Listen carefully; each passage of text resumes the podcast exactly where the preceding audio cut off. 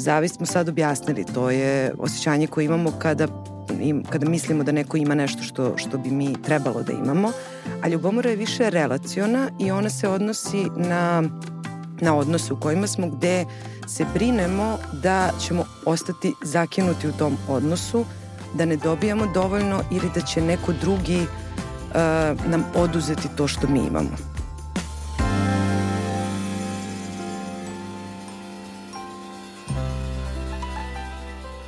Danas pričamo o zavisti, zato što je zavist ubica sreće. Zavist je jedan od sedam smrtnih grehova. Postoji mnogo dokaza da vas zavist, ogorčena čežnja za onim što neko drugi posjeduje, može skrenuti sa tog puta sreće.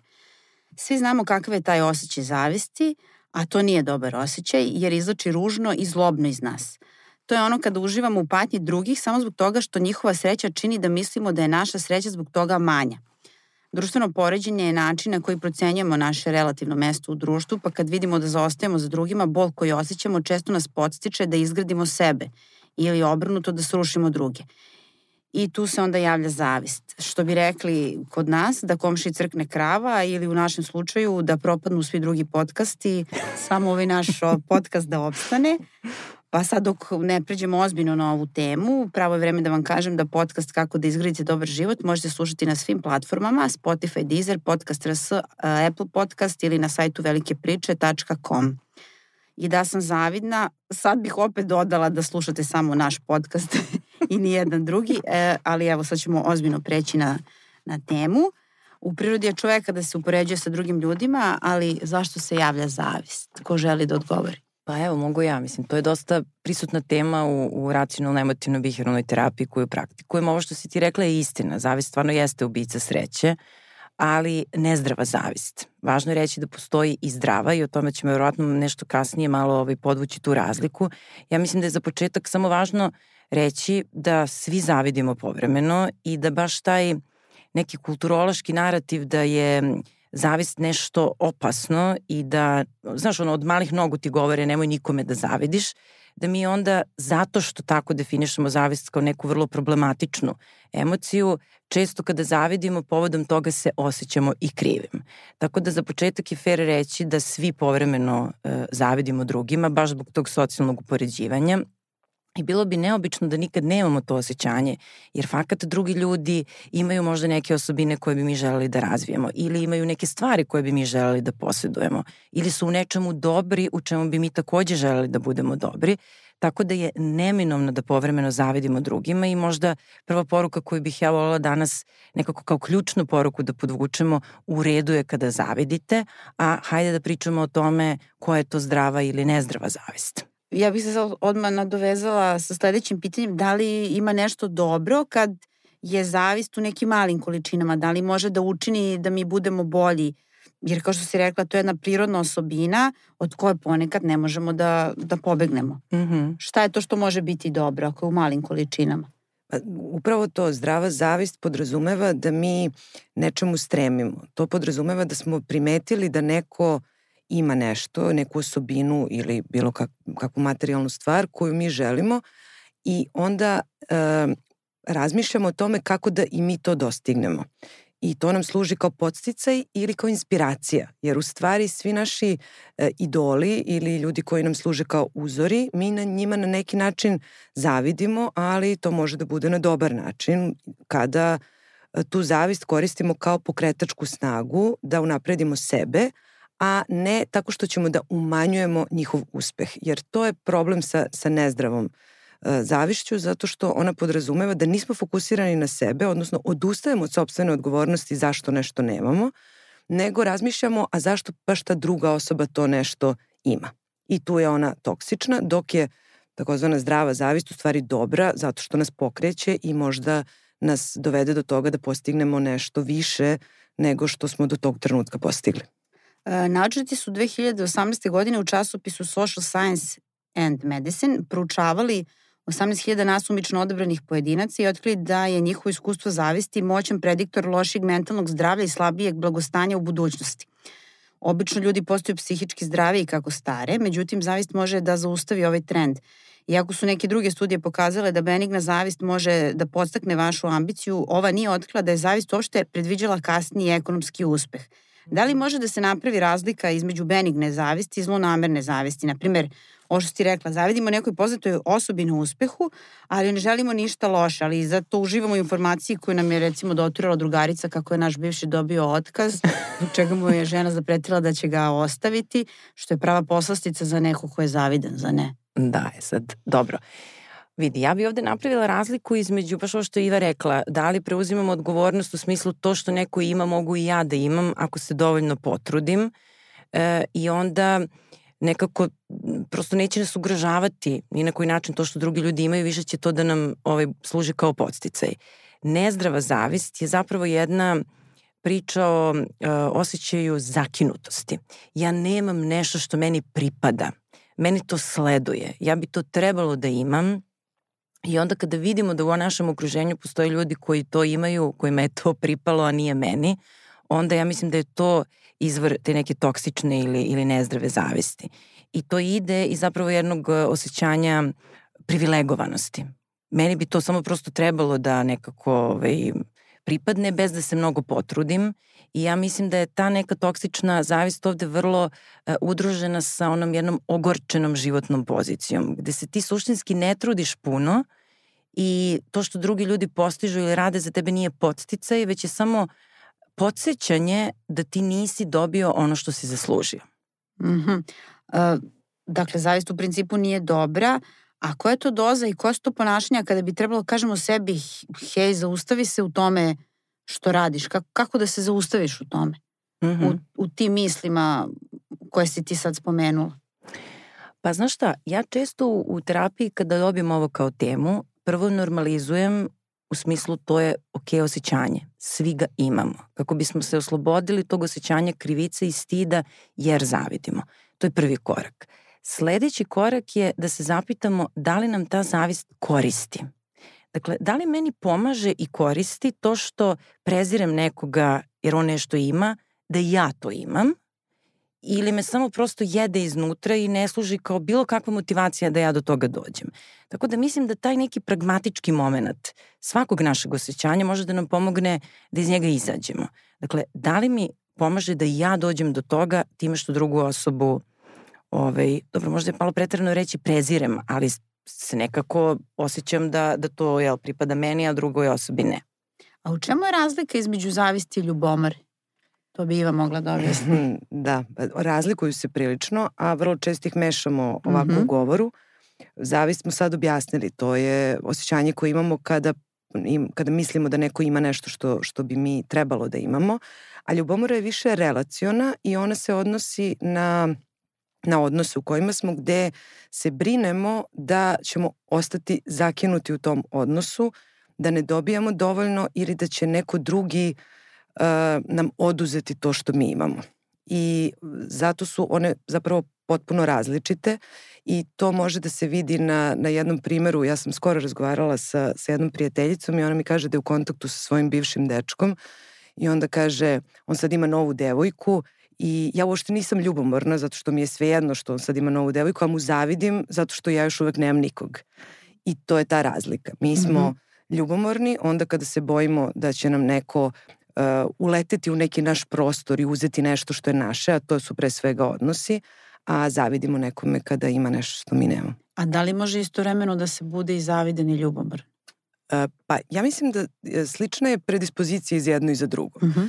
Zato što u osnovi tu stoji uh, neka vrsta nesigurnosti, odnosno uh, osjećaja da nečega nema dovoljno. I mi kada zavidimo, mi nemamo nečega dovoljno, a neko drugi ima. Uh, a i kada smo ljubomorni imamo utisak da u našem odnosu ipak nešto ne funkcioniše, odnosno da mi nismo dovoljni i da će nas ta druga osoba zbog nekog drugog ostaviti ili kako to ljudi još često pogrešno nazivaju da će nam preoteti neku osobu kao da su i ljudi predmeti. Tako da kad god smo ljubomorni ili smo zavidni, mi se zapravo e, ne bavimo suštinom, nego su to dve emocije i to isto vredi da kažemo, to su vrlo privlačne emocije, posebno zato što su kulturološki vrlo prihvaćene. I, i zavist je nekako nama svima kulturološki bliska zato što mi puno ugovaramo, mi se tako povezujemo, mi se udružujemo tako što gledamo nekog drugog, pa onda eto pričamo protiv njega. U partnerskim odnosima je ljubomora isto vrlo popularizovana, zato što to čuvaj to što je tvoje, niko ne može da ti otme, drugi su ti, ne znam, suparnici u tom smislu. I, I pritom, kad osjećamo te emocije, one su prilično jake kao bes i zavodljive su, jer se tu osjećamo nekako moćno. A ono što je iza toga, to je u stvari strah da ćemo nekog da izgubimo kada je u pitanju ljubomora ili ili taj, ta ne znam, tuga ili već ne znam koja bi emocija bila razočaranje u sebe kada shvatimo da nemamo nešto što bismo hteli da imamo i onda je za to zamena zavist. Da, ali onda kad svedeš to šta je iza toga, onda se stvarno osjećaš loše. Zato ne treba biti zaviden. A da li društvene mreže postiču zavist među ljudima jer pokazuju živote ljudi koji imaju više sreće od vas, lakše nego ikad ikome da se pohvali svojom srećom masama i stavlja vas u, u istu virtualnu zajednicu kao i ljude koji nisu u vašoj zajednici u stvarnom životu, što onda čini da, da se poredite sa njima. Objave poznatih i uticenih ličnosti su posebno moćan i nepotreban izvor uh, zavisi. Dakle, društvene mreže imaju sve te neke elemente da ti kad gledaš i ako zaista veruješ u to što vidiš, može da budeš mm -hmm. zaviden. Iako vrlo to često jedna lažna nisu stvari baš takve je. kao što, što izgledaju na društvenim mrežama. Da, najčešće je to lažna slika kojom se predstavljamo. Meni sad pada na pamet da jedna od prvih stvari koju sam naučila na svojoj psihoterapijskoj edukaciji, ja mislim da je to baš Carl Rogers rekao, čujeni humanista, uh, On je rekao da jedan od ključnih razloga zašto ljudi dođu na psihoterapiju je da nekako smanje tu distancu između onoga, onoga njihovog realnog selfa, dakle onog što oni realno jesu, i idealnog selfa, to jeste onoga ka čemu streme. I sad kad razmislim u, u ovo doba informacijonih eh, tehnologija i društvenih mreža, mislim da ćemo imati uh, novu vrstu te definicije zašto ljudi idu na psihoterapiju, a to je da testiraju koliko je taj njihov lažni idealni self na, na društvenim mrežama stvarno usklađen sa onim što, što oni jesu. I ja stvarno mislim da su socijalne mreže tako jedan sjajan teren da, da postanemo svi iskompleksirani, jer niko e, ne kači na, na društvene mreže nešto što nije reprezentativno. I onda to zaista stvara jednu vrlo jednostranu sliku, kao da smo svi stalno srećeni na nekim egzotičnim destinacijama, uspešni, povezani i to je stvarno jedan onako sjajan teren da vežbamo, da budemo zavidni svako malo. A kako da ne zavidimo drugima kada nas sa svih strana, najviše opet sa društvenih mreža, kažem, bombarduju tim prizorima. Opet kažem, naravno, većina je lažna slika. E, bombardovani smo tim prizorima kako je svima mnogo dobro, kako su svi na vrhuncu sreće. I naravno neće nas ubiti to što neko ima više pratilaca od nas ili što izbacio ono i jači post, bolju fotku, ali nekad je zaista teško zaustaviti se u tim upoređivanjima. Kako da prestanemo sa tim? Pa prvo da prepoznamo da se to uopšte dešava, jer vrlo često ljudi zaista toga nisu svesni, jer smo svi strašno upućeni na, na telefone i na mreže, to posmatramo i uh, vrlo često treba, je potrebno vreme da, da zapravo shvatimo da se tako punimo tim sadržajem koji, koji nam je jel, ugrožavajuć onda kada smo osetljivi. To je neki drugi korak da razumemo da onda kada se sami osjećamo loše i kada nam se nešto dogodilo, kada nam se desio raskid ili smo nešto neuspešni na poslu, da tada možda nije baš najbolji trenutak da gledamo te savršene živote drugih, uh, ono što ja često uh, savjetujem klijentima to je da, da zapravo pogledaju svoju mreže, svoje mreže iz perspektive drugih. Zato što obično ljudi koji nemaju mreže, oni su se nekako od toga i zaštitili. Oni ni ne gledaju tuđe mreže. Oni koji imaju mreže se upoređuju i takođe imaju te idealne selfove na koje ne obraćaju često tako plasirane jel, u javnost, na koje ne obraćaju pažnju.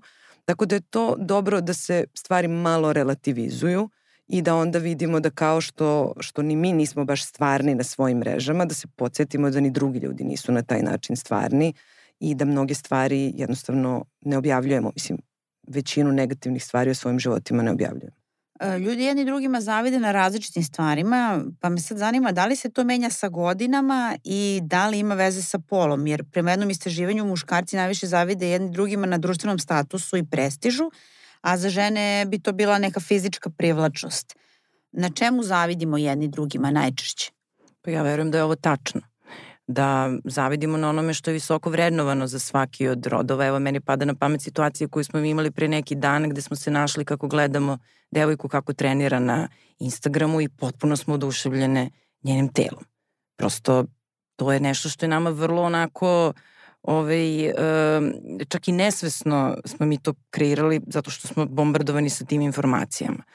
Um, tako da, da, da, mislim da definitivno je vezano i za razvojni period u kome se nalazimo, šta nam je važno, šta se u tom razvojnom, ovaj, u toj razvojnoj fazi smatra onim što čini uspešno pod znacima navoda ženu ili, ili muškarca. Neuronaučnici otkrivaju da zavist uh, ljudima stimuliše deo mozga koji je povezan i sa fizičkim i sa mentalnim bolom. Ovo kažem kako bih ukazala na to zašto zavist nije dobra. Pa evo sad da završimo pitanjem kako da prestanemo da budemo zavidni, kako da ne zavidimo drugima, šta da kažemo sebi kad se jave ta osjećanja zbog kojih znamo da ćemo se na kraju stano osjećati loše. Imam ja ovde jedan predlog, možda čak i dobar savet za, za roditelje. Ako žele da im deca budu mentalno zdrava tako što neće sebe da ubiju pojam sa ovom nezdravom zavišću. Postavlja se pitanje kada želiš nešto da imaš ili kada nečemu stremiš, da li ti to nemaš i ne uspevaš u tome zbog svoje ličnosti ili zbog toga što se nisi dovoljno potrudio. To je ono što se u socijalnoj psihologiji zove fixed nasuprot growth mindseta. Fixed mindset kaže imaš tačno toliko, ne znam, inteligencije koje imaš i to ti je to i ti tu ništa ne možeš ili growth mindset koji kaže možeš zapravo da se potrudiš da, da uložiš više truda da bi ostvario neke ciljeve. Ja mislim da ta nezdrava zavist ide iz toga što mi zaključimo da je neko drugi prosto satkan od nekog boljeg materijala, da kao da je gore neka raspodela pravljena i nama je zapalo nešto nedovoljno dobro i onda mi sa tim suštinski ne možemo puno da uradimo, nego ostajemo ogorčeni, uvereni da prosto je to neka kosmička nepravda i onda smo zapravo vrlo nezdravo zavidni. Ako s druge strane verujemo da većina, na većinu stvari možemo da utičemo, da možemo da uložimo dodatni napor, da nije do naše ličnosti nego do toga da se više potrudimo, onda ćemo samo zdravo da zavidimo i ta zavist će za nas biti podsticaj. Tako da je dobro i kada decu hvalimo ili kada im govorimo i dajemo neki feedback, da kažemo super si to uradio jer si se potrudio ili ovo nije dovoljno dobro zato što se nisi potrudio, a ne zato što si ovakav ili onakav. Jer to je put, sasvim siguran put ka nezdravoj zavisti. Dobro Iva, evo samo da pitam i tebe isto pitanje ili možda da pojasniš samo ovaj deo da li, e, e, da li je neko zavidan više ili manje, zavisi od toga kakva je ličnost ili kako je vaspitan, kakvi su bili roditelji, da li to ima veze? Da, to definitivno ima veze onoliko koliko su nas upoređivali sa drugima. To smo spomenuli mm -hmm. i, u, mhm. i u prethodnom našem razgovoru. Uh, vrlo često roditelji to i nesvesno rade tako što šalju poruke deci da treba da se porede sa drugima, a ne objasne im kako i zašto, nego im kažu, nego im jednostavno šalju tu poruku da njihova vrednost zavisi od toga koliko su bolji od drugih, a ne ističu činjenicu da su vredni po sebi, i da imaju neke specifične e, talente, veštine, nego jednostavno moraju da budu dobri u svemu. I onda deca ne znaju e, šta je ono u čemu su oni dobri, pokušavaju da se mere po svim merilima i odrastaju ljude koji takođe ne mogu sami sebi da kažu, e, ok, ja sam u redu jer ja znam ovo, ali ne znam nešto drugo, nego im se stalno čini da su drugi bolji, jer zapravo uvek će postojati drugi koji su bolji od nas u nečemu. I zato je put zavisti jedan vrlo nezahvalan put, jer mi tu ne polazimo od sebe, nego polazimo samo od neke zamišljene ideje uspeha koja, a uvek će neko u nečemu biti uspešniji. Tako da savet roditeljima je da deci ne šalju tu poruku, ne tako nejasnu, to je to ako, znači u redu je reći da dete treba da bude dobro u nekim oblastima u kojima je talentovano i vredno, ali ne može da bude u svim i mislim da je to ključna poruka, da smo svi zapravo vredni bez obzira na to koliko smo uspešni, a da ukoliko živimo i razvijamo se u skladu sa svojim talentima i mogućnostima, onda ćemo zapravo i biti uspešni u tome u čemu možemo da budemo. A ako pokušavamo da budemo sve i da se merimo sa svima, onda je vrlo verovatno da ostajemo zaglavljeni i, i nesrećni. I zavidni. Hvala vam.